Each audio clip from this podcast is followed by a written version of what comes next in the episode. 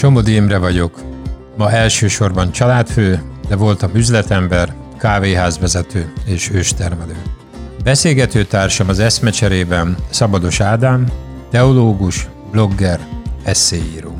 Simon Weil mondta annak idején, hogy ha korszerűek akarunk maradni, akkor valami örökkévalót kell mondanunk. Ebben a podcastben izgalmas gondolkodók gondolataira keresünk keresztény válaszokat.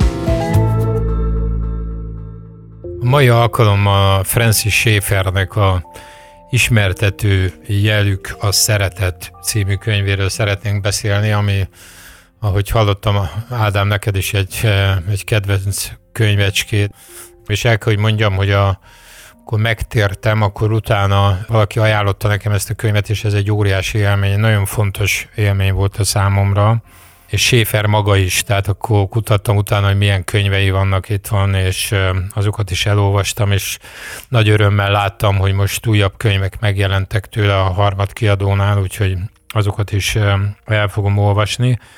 Aki nem ismerné, szerintem nagyon jellemző rá egyik oldalról az, hogy úgy fogalmaztak róla, hogy, a, hogy az értelmiség misszionáriusa. Tehát egy szerintem hihetetlen intellektussal, ismerettel rendelkező teológus, aki nem csak Isten igéjét és a keresztény élet gyakorlatát mutatta fel a környezetének, hanem, hanem valami elképesztő szeretettel, barátsággal, közvetlenséggel fordult a világhoz, és próbálta megismerni a világnak a gondolkodását, a tudománynak az értelmét, ellentmondásait. Tényleg azt hiszem, hogy a legfontosabb jellemzője az volt, hogy ő szeretette odafordult az emberekhez. Akit érdekel, még én legalábbis a YouTube-on egyetlen egy fekete-fehér videóját láttam, azt hiszem Floridába tart egy óriási auditoriumba egy beszédet, és érdemes meghallgatni, hogy milyen keményen ostorozza talán a 70-es években a társadalmat, hogy hogy mennyire, mennyire komolyabban és elkötelezettebben kellene a keresztény érték, értékek mellett kiállni. És hát 84-ben halt meg azt hiszem úgy, hogy hát sok mindent nem élt meg abból, ami azóta ránk jött. Hogy te neked milyen élmény volt ez a könyv? Hát én nagyon szeretem Francis Schaeffert. Nem ez a kedvenc könyvem tőle, de nagyon, nagyon jó volt újraolvasni, én ezt már többször olvastam ezt a kis könyvecskét. Rám nagyon nagy hatással volt, én minden könyvét elolvastam, 23 könyvet írt, mert, mert ekkora hatással volt rám ez az ember. Van, aki nem szereti Séfert, mert ő nem egy olyan tudós ember volt, aki így ír egy könyvet, azt ő végigkutatja, lábjegyzeteli, stb. Sokszor ő ilyen nagy ecsetvonásokkal inkább képeket festett, gondolati képeket, és van, akit ez idegesít, van, aki nem szereti a, az ilyen, vagy felületesnek tartja ezt a fajta gondolkodást, viszont nagyon sokaknak pedig pont azt jelentett nekem is sokat, hogy egy-egy gondolatot, egy-egy fogalmat, egy-egy problémát képes volt nagyon találó képekkel, meg szavakkal leírni, és ezt a könyvet is ilyennek tartom nem egy egetrengető gondolatmenet, tehát nem, nem olyan, amire más ne jöhetett volna rá, egyszerűen ahogy egymás mellé rakja ezeket az egyszerű gondolatokat, az nagyon ütős, plusz, hogyha tudja az ember, hogy milyen életet élt. Valaki úgy fogalmazta meg, ez, ez is nagyon tetszett, amit mondtál az előbb, hogy az értelmiség misszionáriusa, de beszélgettem egyszer egy emberrel, aki a Labri közösségnek egy munkatársa volt, aki, tehát a Labri közösség az, amit ő alapított, tulajdonképpen csak a saját otthonában létrehozta először, aztán ez Mármint a Schaefer. Schaefer, igen. És ez a, aki ott dolgozott a Labriban, ő mondta azt, hogy igazából a Labri az a vendégszeretet szolgálata. Tehát ők, ők azt csinálták, hogy megnyitották az otthonukat, befogadtak fiatalokat, akik tele voltak kérdésekkel, állandóan ott voltak a matracon hálózsákkal a nappaliuk közepén a fiatalok, alig tudott lemenni a konyába, úgyhogy ne kellett volna átlépnie pár ilyen fiatalt, és ezt csinálták évtizedeken keresztül feleségével, és az volt az alapelvük, hogy nézzétek az Isten valóságát az életünkben, ami egy eszméletlen bátor mondat volt, és nyilván meg volt neki is, meg a feleségének is a saját harca, a saját rossz természetével, a, a bűneivel, a haragjával, stb. És sokszor ezek is kikerültek a nyilvánosság elé, de ők vállalták ezt a kockázatot, és ez az arany fedezet ezek mögött a gondolatok mögött. Tehát ismertető jelük a szeretet, ez a címe. Nekem olyan ez a téma a szeretetről beszélni, mint amikor az alázatról kéne előadást tartani, hogy nagyon nehéz erről úgy beszélni, hogy közben ne érezzem teljesen alkalmatlannak magamat erre, vagy ne tudjak elképzelni ezer és ezer ellenvetést, hogy miért pont én beszélek erről. De az ő, ő esetében én ezt egy nagyon hiteles könyvnek látom, és még az jutott eszembe ilyen bevezetőnek, hogy Jordan Peterson kérdezték az egyik előadása végén, miért mindig az igazságról beszél, miért nem beszél a szeretetről is. Tehát nem ugye nem fontos a, a szeretet, mint az igazság, és akkor azt mondta Jordan Peterson, hogy jogos a kérdés, valószínűleg azért nem beszélek annyit a szeretetről, mert ez szinte használhatatlanná vált ez a szó a kultúránkban. Annyi mindenre aggatják rá ezt, hogy szeretet, hogy ha kiejted a szót ezt a szádon, annyi asszociációt hoz be, hogy szinte értelmetlenné válik ez a szó. Úgyhogy én, én azt remélem, hogy, hogy ennek a könyvnek a mentén viszont talán egy kicsit inkább tisztába tudjuk tenni azt, hogy, hogy miről van szó. Tehát mit értünk ez alatt, hogyha azt mondjuk, hogy szeretet, és elvileg a kereszténységgel ezt a szót kellene automatikusan összekapcsolni először. Ahogy a, a második század végén tették, hogy ismert volt az a mondás, hogy nézzétek, hogy szeretik egymást a keresztények. És hát ez egy nagy kudarca a kereszténységnek, nagy kudarcunk, hogy, hogy az emberek sokszor nem ezt a szót kapcsolják hozzánk, de ez a könyv, ez, amikor olvastam, akkor annyira közel hozta hozzám ezt a feladatot, vagy, vagy azt, hogy, hogy, hogyha ezt fel tudjuk mutatni, Hát ha az emberek a, a szeretetet kezdik hozzánk kapcsolni, és nem egy ilyen érzelgős valamit, tehát nem valamit, ami, aminek nincs köze a kereszténységhez, hanem a valódi szeretetet, és azt megérzik a közelünkben, akkor az történik, amiről, amiről az a könyv szól, hogy, hogy meg, megismerik az emberek azt, hogy Jézust Isten küldte el.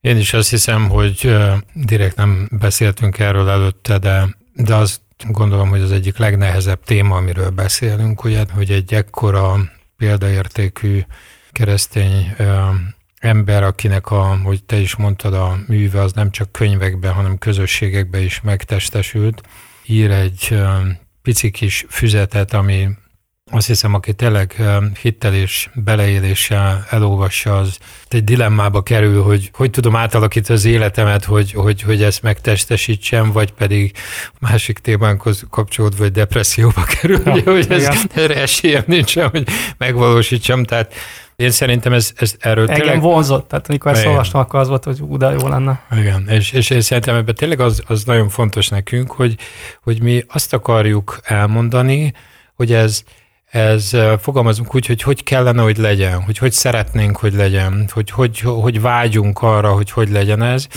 és Schäfer ilyen sebészi pontossággal megfogalmazza a hogy legyent is, és nyilván ebből ő nem tesz súlypontot arra, hogy hogy, hogy hogy van, de ebből mindenki ki tudja azt olvasni, ugye, meg meg tudja élni, vagy látja a világot, de ez nem kisebbíti annak az igazságát, ami a könyvben arról van, hogy mekkora fontosságú is ez. Neked egyébként ez miért, miért volt fontos az a könyv? Mert emlékszem rá, hogy már régebben is ezt a könyvet ezt kiemelted.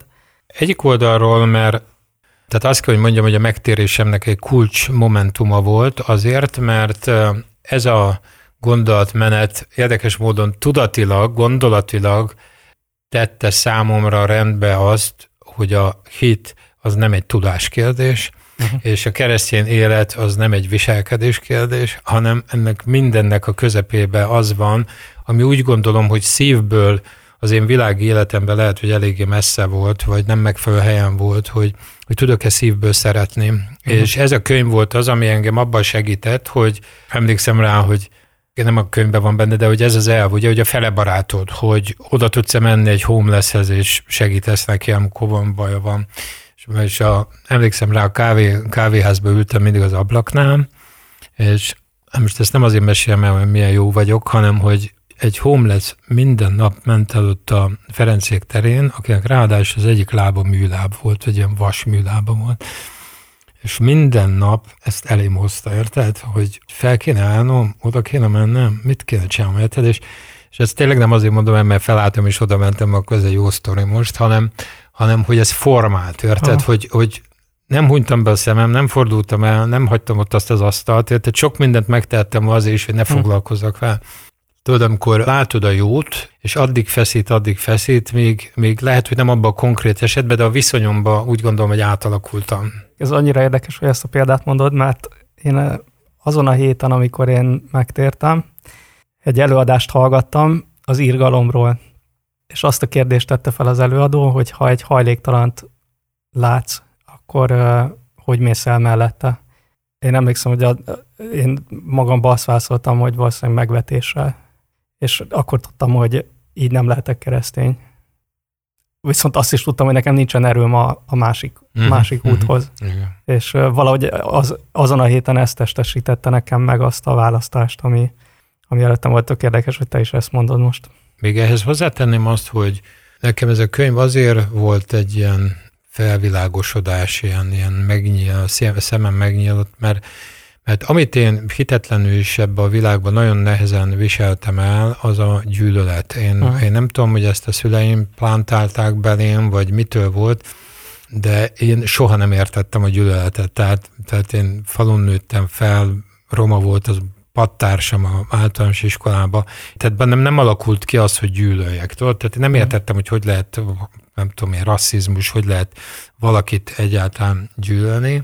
És az is felmerült bennem, hogy, hogy lehet, hogy ilyen értelemben a mély szeretet sem, érted? Tehát, hogy az ellenpólusát se alakult ki bennem, most nem akarok uh-huh. ebbe belemenni, hogy van ez a kettő mennyire kapcsolódik össze, de szerintem egy ilyen gyűlölettel teli világban legalább elgondolkodni és, és, és mélyen mérlegelni azt, hogy ezzel a szeretettel mennyivel, mennyivel boldogabban lehet élni, tehát, hogy ezt felmutatni, tehát nekem, nekem amikor a keresztények azt mondják, hogy világosság, meg sója vagyunk a világnak, stb. stb. Nekem ez annyi csalódást és bizonytalanságot okoz, de amikor azt mondod, hogy ahogy itt ő leírja, hogy mi az a szeretet, amit Jézus ránk bízott, akkor, akkor ez nem kérdés, hogy erre mhm. fel, felkapja a fejét, ahogy te mondtad. Ez nem kérdés, tehát ha te így viselkedsz, a te közösséged így viselkedik, akkor erről beszélni uh-huh. fognak az emberek, mégpedig tisztelettel, és, és, és azzal, hogy ez vonzó, ez, ez, ez, ez, igen, ez, igen. ez elismerésre méltó, igaz? Tehát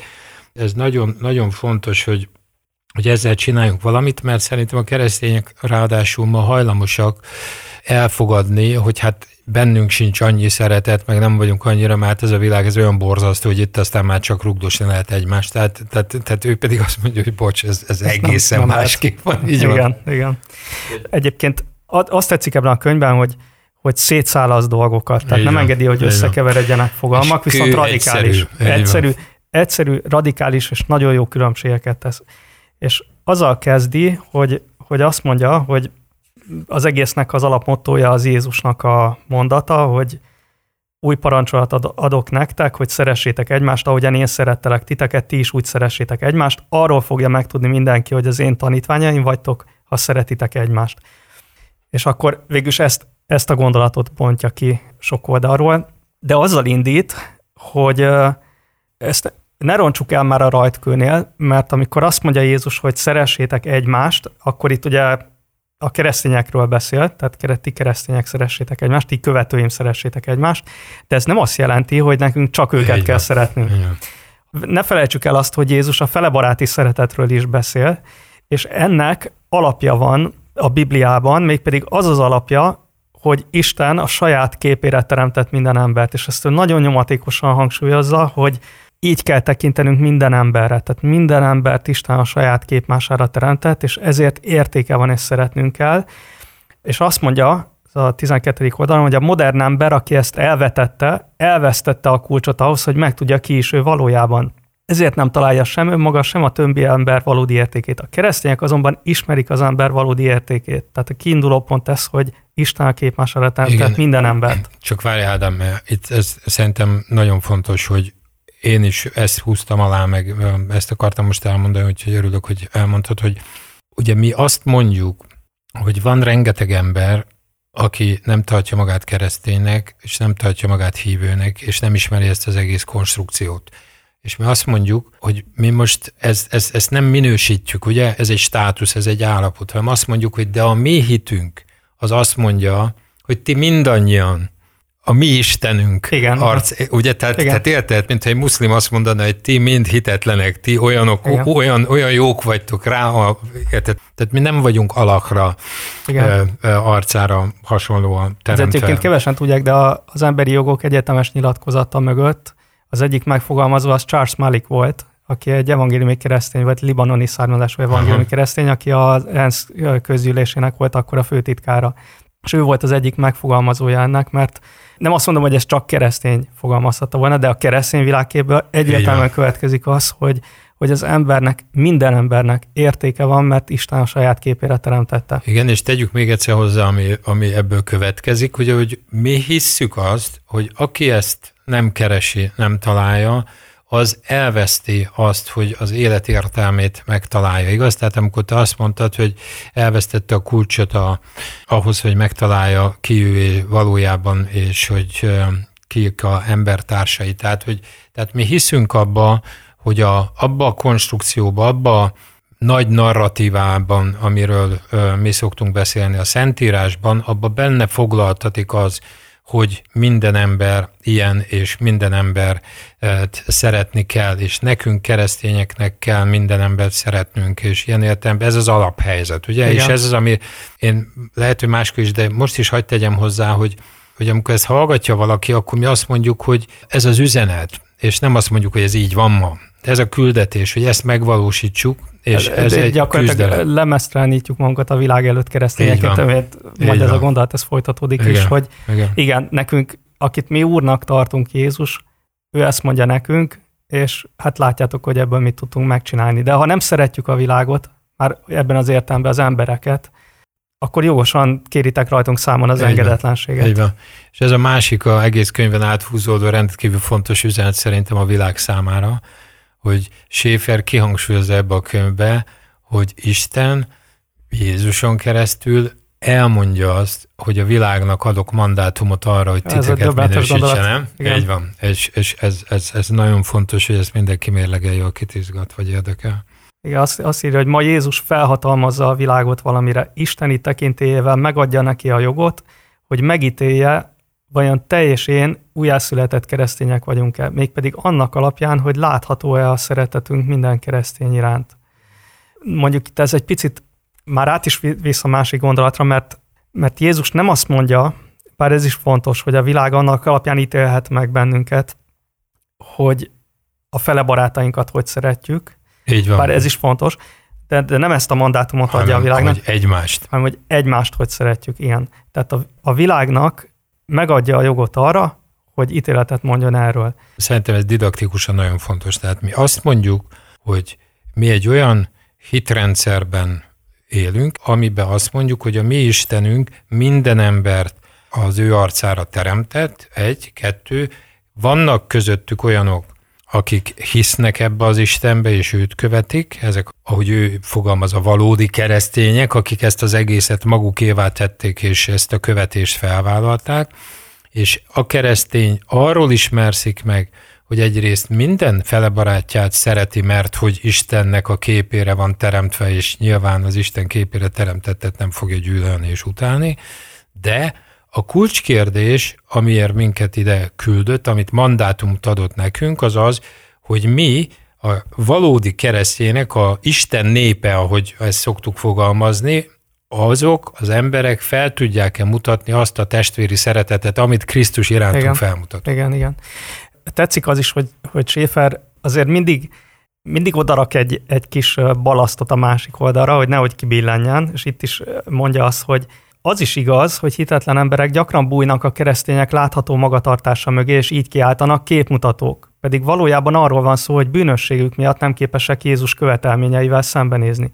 De Jézus itt nem erről beszél, hanem arról, hogy egyénileg és csoportosan is kötelességünk úgy szeretni a többi igaz keresztényt, hogy a világ nem mondhassa ránk, hogy nem vagyunk keresztények. Itt is el lehetne szaladni sokféle irányba, de Schäfer ezt nem teszi. Tehát ő kimondja azt, hogy igen, a világnak van joga megmondani azt, hogy ő kereszténynek lát-e bennünket.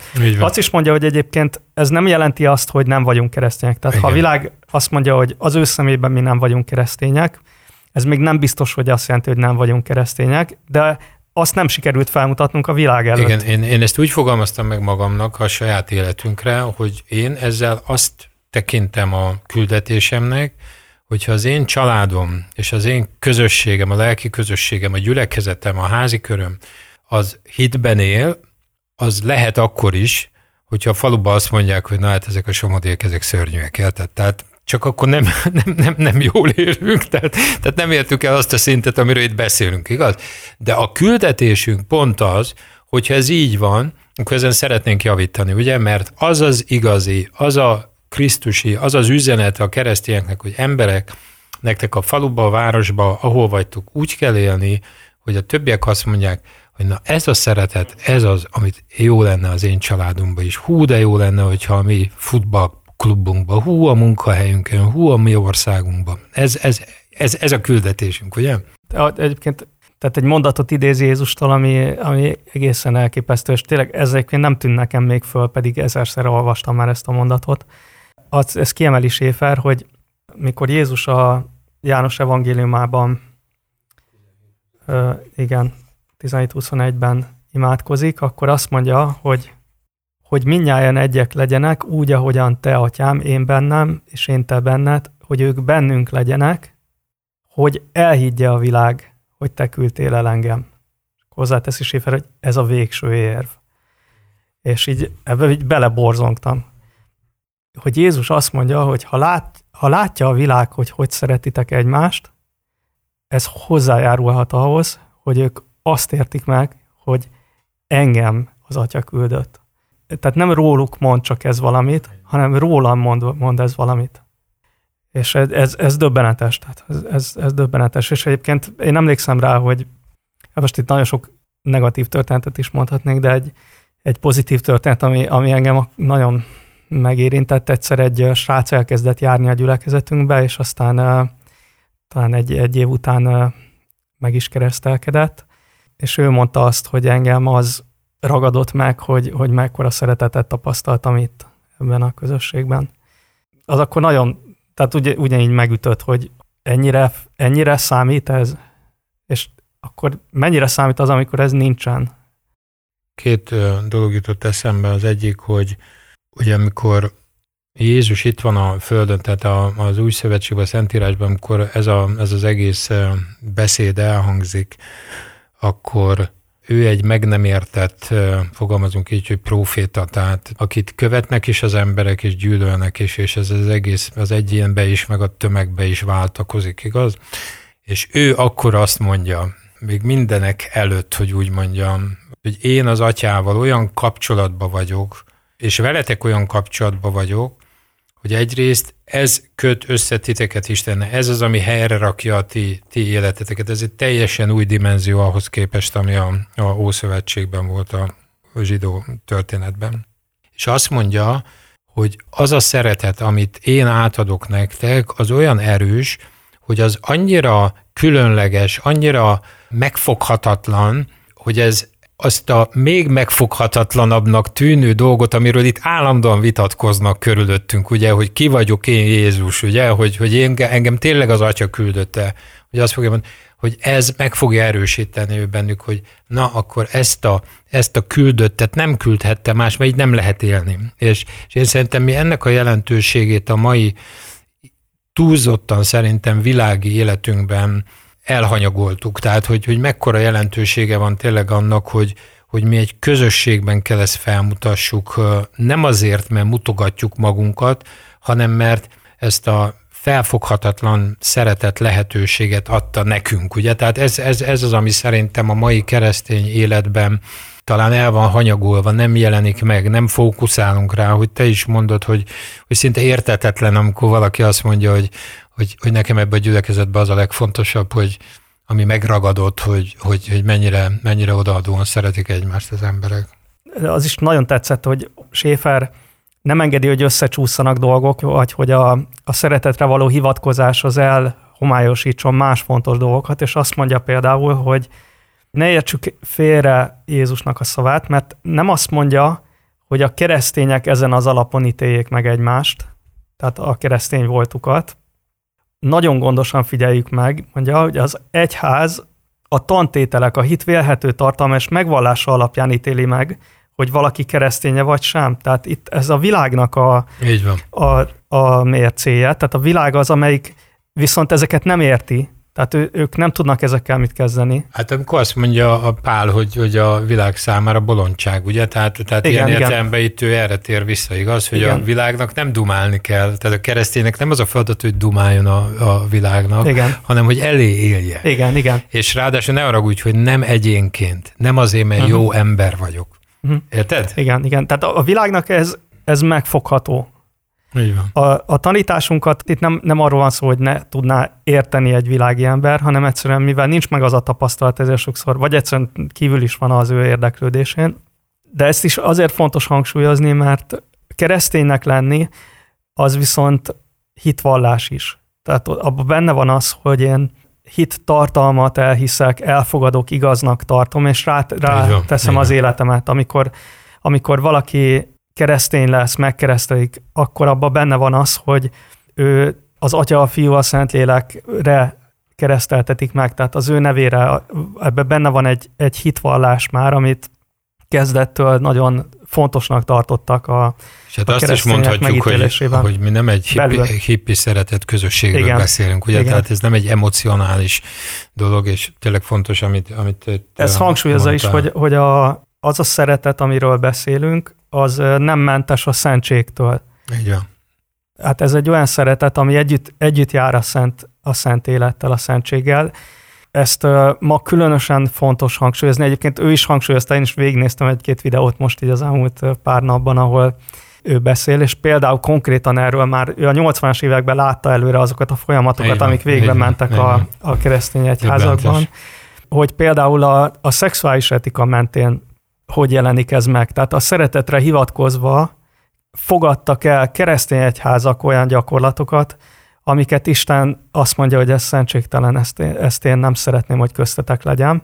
És Séfernél az nem keveredik össze. Tehát ő világosan különbséget tesz a szeretetnek e között a, az elvtelen változata között, és a, a valódi szeretet között, amiből viszont nem hiányzik a szentség, hanem párban jár vele, mert hogy Isten maga szent és a szeretet. És mi őt kell, hogy felmutassuk a szeretetünkben is. Tehát nem lehet a szeretetünk szentségtelen.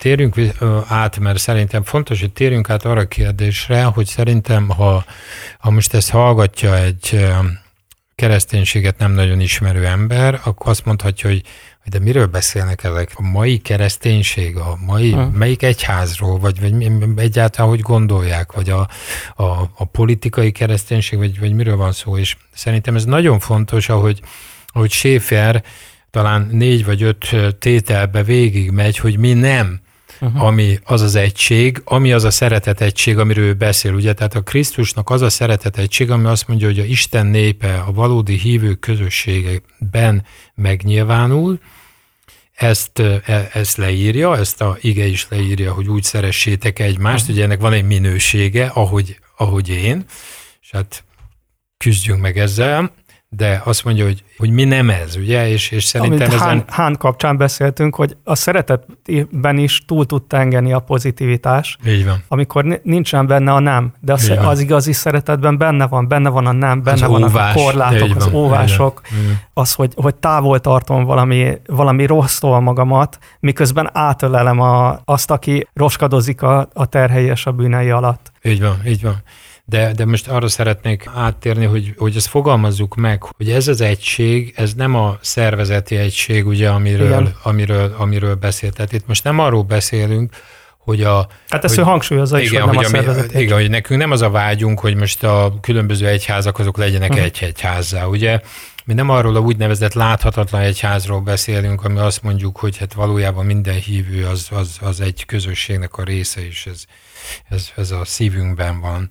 Ez nem a, a Krisztusban való egység, hogy nyilván ő tőle eredeztetjük a, az egész történetünket. Ez nem a törvénynek az egysége, hogy Isten ö, ö, határozott arra nézve, hogy hogy akarja ezt a világot A felépíteni. Krisztusban való egység, az, amit mondtál az előbb, az, az mire érted?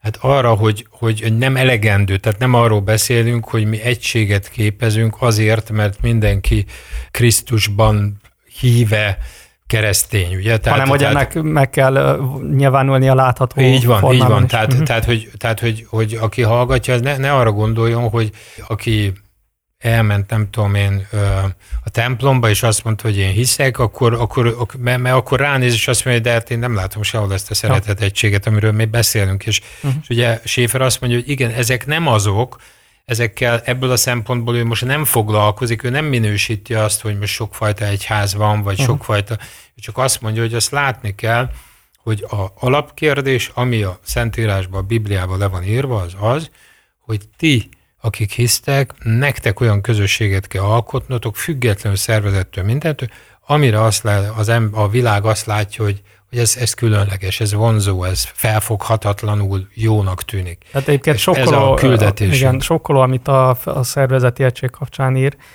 Tehát, hogy van, van ez a modell, hogy egy, egy szervezeti egységbe kell a keresztényeknek tömörülniük, ez ugye a, egyrészt a római katolikus egyház, másrészt a protestáns ökumenikus mozgalom, tehát két, két példát is hoz erre, amikor igen, szervezetileg igen. próbálod megteremteni ezt az egységet. De azt mondja, hogy, hogy van, amikor valójában nincsen egység, mert és akkor ez, a, ez, ez, ez egy nagyon erőteljes és sokkoló, de igaz mondat, hogy lehetséges, hogy két teljesen különböző vallásról, kétféle istenképről, az igazság két eltérő magyarázatáról van szó. Ez szerintem ez, ez valóság a kereszténységen belül, tehát szervezeti egységen belül vannak olyanok, akik teljesen más tanítanak, mint, mint, mint ami, amit az apostolai szentírás tanít.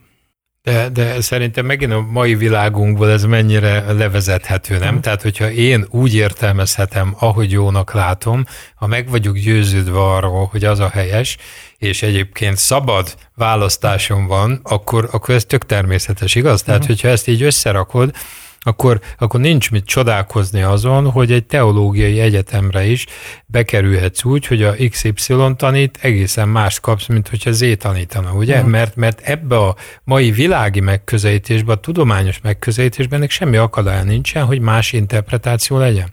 Ugye, de tehát Schäfer nem azt mondja, hogy ez rossz vagy jó, vagy nem tudom, azt mondja, hogy ez, ezzel nem lehet mit kell, ő, ő, ő ezt nem akarja most értelmezni, mert azt mondja, hogy most nem ez a lényeg. A lényeg az, hogy aki úgy gondolja, hogy ő hitben járó, valódi keresztény ember, ő nekik meg kell találniuk egymással azt a szövetséget, azt a kapcsolatot, azt a szeretet kapcsolatot, ami felismerhetővé teszi őket a világ számára, mert másképp honnan Igen. vennék a de, képet? De ez font, fontos volt neki, hogy, hogy közben a kereszténységnek van egy formája, csak ez a forma, ez nem egy szervezeti forma, hanem ez ez a Jézusnak való engedelmesség, és a, az Isten szavának való alárendeltség. Tehát ő mindig, mindig oda hívta vissza a keresztényeket, akármilyen felekezethez is tartoznak, hogy menjünk vissza oda, hogy, hogy mit tanított a mi Urunk. Hogy mi, mi, van, mi van az van. Isten szavában. És, mondja, és annak rendeljük alá magunkat, és ebből ki kell, hogy sarjadjon a szeretet. Ez egy olyan talaj, amiből ki kell, hogy sarjadjon szeretet. De az, nem, az biztos, hogy tehát ő presbiteriánus volt, de felekezett közi keresztény volt abban az értelemben, hogy együtt dolgozott mindenféle felekezetű keresztényel.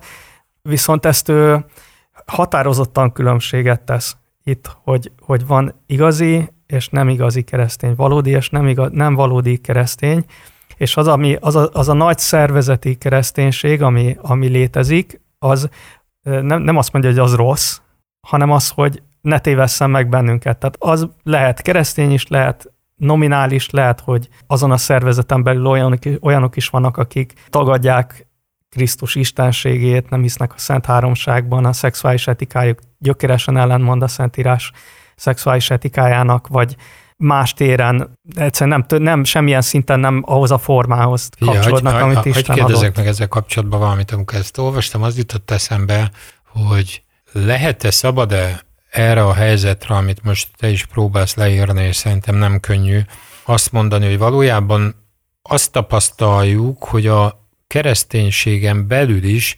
megvalósult a profanizáció. Tehát az, hogy ugye ezt a Han használja, hogy ezt a kifejezést, hogy hogy más célra használunk fogalmakat, és valójában ennek következtében teljesen elsikkad a, az eredete. Tehát, hogy akik úgy gondoljuk, hogy éljük a keresztény életet, és szeretnénk ezen a, ezen a úton előre menni, hogy ugye nagyon nehéz megélni azt, amikor azt látod, hogy ugyanez a címke van valami fölött, akár a politikába, társadalomba, vagy egy egyházba, vagy egy gyülekezetbe, vagy egy könyvben, amire azt mondod, hogy, hogy hát ez nem az, Igen. És, és, és ugye, hogy, hogy mint ahogy a világban is, hogy egyszerűen átcímkézünk dolgokat, és úgy használjuk ezeket a kifejezéseket, amik a végén már senki nem tudja, uh-huh. hogy, hogy tulajdonképpen mi az eredet, hogy mi, mi kéne, Igen. hogy mögötte legyen, mert nem törődünk azzal, hogy ennek jelentősége van, hogy a szónak valóban mhm. igazán uh-huh. komoly jelentősége van, hogy nem gondolod, hogy egy ilyen félrecsúszás ez, hogy Hát szerintem ez abszolút létezik. Tehát a keresztény szó annyi ő is azt írja, hogy ennél elcs- elcsépeltebb kifejezés igen. nincs a világban. És, hát sokszor fel is vetették, hogy ez lehet ezt a szót használni még. Szavak elkárhozhatnak, de hiszek a szavak megváltásában is. Hogy meg, meg lehet szavakat váltani és tisztítani, de nagyon nehéz. A, a keresztény szót azért nem engedném el, mert kezdettől keresztényeknek nevezték, vagy legalábbis Antiókiától Jézus követőit, és ez egy nagyon kedves szó, és nem nagyon találsz más szót, ami ezt pótolni tudná. Most mondhatod persze, hogy Jézus követő, meg hasonlók, de az, az már bonyolultabb, és azt is ugyanúgy el lehet használni. Igen. Tehát én nem engedném el a keresztény szót, de azt ki kell mondani, amit ő kimond, hogy van igazi és nem igazi keresztény, és uh, itt most mi az igazi keresztényekről beszélünk. Így van, ez nagyon fontos. És ha már itt tartunk, akkor ugye megint csak felvetődik az emberbe az a kérdés, hogy hogy de látjuk, hogy van igazi, meg nem igazi. A nem igazi, meg az igazi között is, a saját berkén belül is vannak nézeteltérések, konfliktusok, feszültségek. Nagyon fontos része a könyvnek, amikor arról beszél, hogy hogy, hogy kell ezt keresztény mhm. módon uh-huh. kezelni, hogy, Igen. hogy te ezt hogy látod, hogy te megéled a gyakorlatban ezt, hogy mondjuk azt, hogy igazán súlyos ügyekben a környezetedben ez működik? Tehát, hogy szerintem az egy nagyon fontos gondolat, hogy az egyik ugye az, hogy minél nagyobb a, a dráma, annál nagyobb szeretettel Aha. fordul hozzá. És ha egyáltalán van egy konfliktus, az már, hogy szomorúsággal kell, hogy Aha. eltöltsön bennünket, mert mert hogy ez a szeretet akkor nem Igen. világít, ugye, akkor, akkor az, az, az kialudt. Valami oknál fogva ott, ott előjött ez a feszültség. És ebből adódik ugye az is azt hiszem, hogy a keresztény ember az a problémának a megoldása, a feszültség feloldásában sokkal inkább fókuszált vagy érdekelt, mint abba, hogy igazságot, tehát hogy, hogy ő nyerje igen. meg a, a meccset, igaz? Tehát uh-huh. ezek szerintem a mai világban eléggé abszurdnak tűnő igen. gondolatok, nem? Itt, itt igen, abszolút. Én nagyon sok konfliktust láttam és éltem meg a kereszténységen belül. Sok konfliktusnak voltam részese is, néhánynak okozója is. Tehát nem, nem hiszek abban, hogy a kereszténység úgy tudná felmutatni a szeretetet, hogy egy konfliktusmentes közösséget tudna a világ elé tárni. És ezért tetszett nagyon az, hogy Séfer se erre teszi a hangsúlyt, hanem arra, hogy mit csináljunk akkor, amikor nézeteltérések vannak, amikor konfliktusok vannak. És itt most ténylegesen az igazi keresztények közösségéről beszélt, tehát arról, amikor amikor azok, akik ténylegesen Jézus követői konfliktusba kerülnek egymással, és néha súlyos nézeteltéréseik Igen. vannak. És nagyon tetszett ez a gondolat, hogy azt mondja, hogy először is, ha valaki könnyek nélkül éli ezt meg, szomorúság nélkül, annak nincs valami rendben a lelkében. Azt is mondja, hogy, hogy aki szeret vitázni, az ne menjen bele konfliktusokba. Az menjen bele konfliktusba, aki egyébként utálja a konfliktust. Igen, az meg akarja oldani. Az meg akarja oldani, igen. És aztán itt több dolgot kiemel. Az egyik a bocsánatkérés és a megbocsátás. Erre példát is mond. Nagyon igen. tetszett ez a példa a, a második világháború idején, amikor az egyik keresztény felekezet belement abba, amit Hitler elvárt, hogy, hogy egy szervezeti egységbe tömörüljenek a, a keresztények. A másik része a felekezetnek pedig illegalitásba vonult, és sokan Hát miatt, mint a Bonhoeffernek a története, igen, különböző szenvedéseket is átéltek, és akkor e, hát ez egy személyesen átélhető, nagyon mély árok volt a felekezeten belül, és akkor utána valamikor később találkoztak a vezetői ennek a két csoportnak, és akkor kérdezi, hogy mi történt akkor, mert napokon keresztül semmit nem csináltak, csak vizsgálták a szívüket, azt kérdezve, hogy mit vétettek, és mi Krisztus parancsolata, és akkor kérdezi, hogy mi történt akkor, mikor újra találkoztak. És akkor mondják, hogy egyek voltunk. Ez egy annyira, annyira szép példa, és azért is érintett meg, mert nekem van egy pár ilyen történet a saját életemből is, uh-huh. Amikor nagyon súlyos, nagyon mély konfliktusba kerültem hívő testvérekkel, tehát akikről tudtam, hogy ők Krisztusban testvéreim, és nem, nem nagyon tudtuk megoldani. És valahogy mégis Krisztus átsegített ezen, és én most tudnék három olyan példát mondani neked, amikor nagyon mély konfliktus úgy gyógyult be, hogy nem látom rajta a varrásnak a mhm, helyét, mm-hmm. vagy, a, vagy a, a heget, Hege, nem, nem találom a heget, hanem teljesen helyreállt, és a bizalom, a barátság. Nekem személyesen ez egy, egy bizonyíték Krisztus valóságára, mert tudom, hogy nélküle se én, se a másik nem tudta volna ezt megoldani, és benne meg valahogy meg tudtuk oldani. Nem azt mondom, hogy minden, minden konfliktus sikerült így megoldani, de van, van egy jó pár, amit igen, és, és az, az egy eszméletlen felemelő élmény. Igen, és én azt hiszem, hogy minden, mindannyiunknak, tehát nyilván sokan feltetik azt a kérdést, hogy de hogy, hogy lehet Isten népét összeterálni, hogy lehet a szeretetét felmutatni.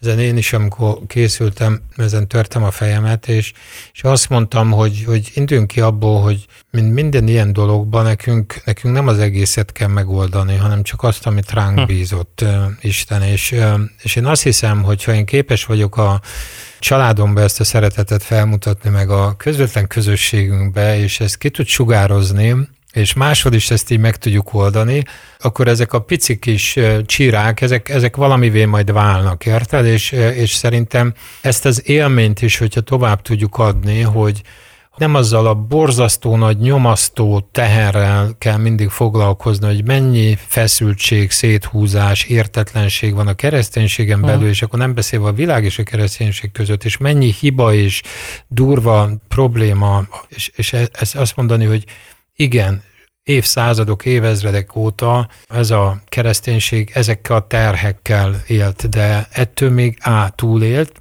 B, nem véletlen, hogy Jordan Peterson is azt mondja, hogy még mindig ez a leghitelesebb hmm. narratívája az emberiségnek, és én azt gondolom, hogy ez mégiscsak még egy józan világi embernek is azt mondja, hogy, hogy legalább ebbe érdemes elmélyedni, mert azért ez nekem se lenne rossz, ha látnám, hogy kik szeretnék egymást, sőt, az igazán az lenne a nagyszerű, hogyha én is részese lehetnék hmm. ennek a mindenek feletti szeretetnek, nem? Mert, mert azt gondolom, hogy, hogy ez az, ami, ami talán a legjobban hiányzik a mai mindennapokban. És figyelj, szerintem azért, azért van annak különleges jelentősége, meg van abban egy különleges lehetőség, hogy a keresztények szeretik egymást, mert ö, olyan emberekről van szó, akikben ott van az Isten szent lelke.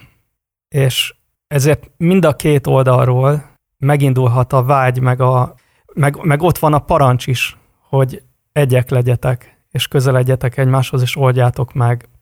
Nem kell együtt menni, ezt is, ezt is egyébként hangsúlyozza, ez is nagyon tetszett Schäfernél, hogy ez nem azt jelenti a szeretet, hogy minden esetben ugyanabban a szolgálatban, ugyanab, ugyanabban Így kell állnia a kettőnek, de sokszor az, hogyha szeretetben tudnak ketté válni, az is már egy nagyon-nagyon szép példája lehet a szeretetnek, hogy erre egyébként az új szövetségben is van példa. Ez a keresztény és egy, egy olyan ember között, akinek nincs, nincs ott ez a parancsa az életében, és nincs ott a Szent Lélek, aki erre a szomorúságra elvezethetné. Ott ez nem elvárható a keresztény és a nem keresztény van, között, mert, mert ott az is mondja, azt hiszem Pál egy alkalommal, hogy, hogy törekedjetek a békességre minden emberrel, amennyiben rajtatok áll.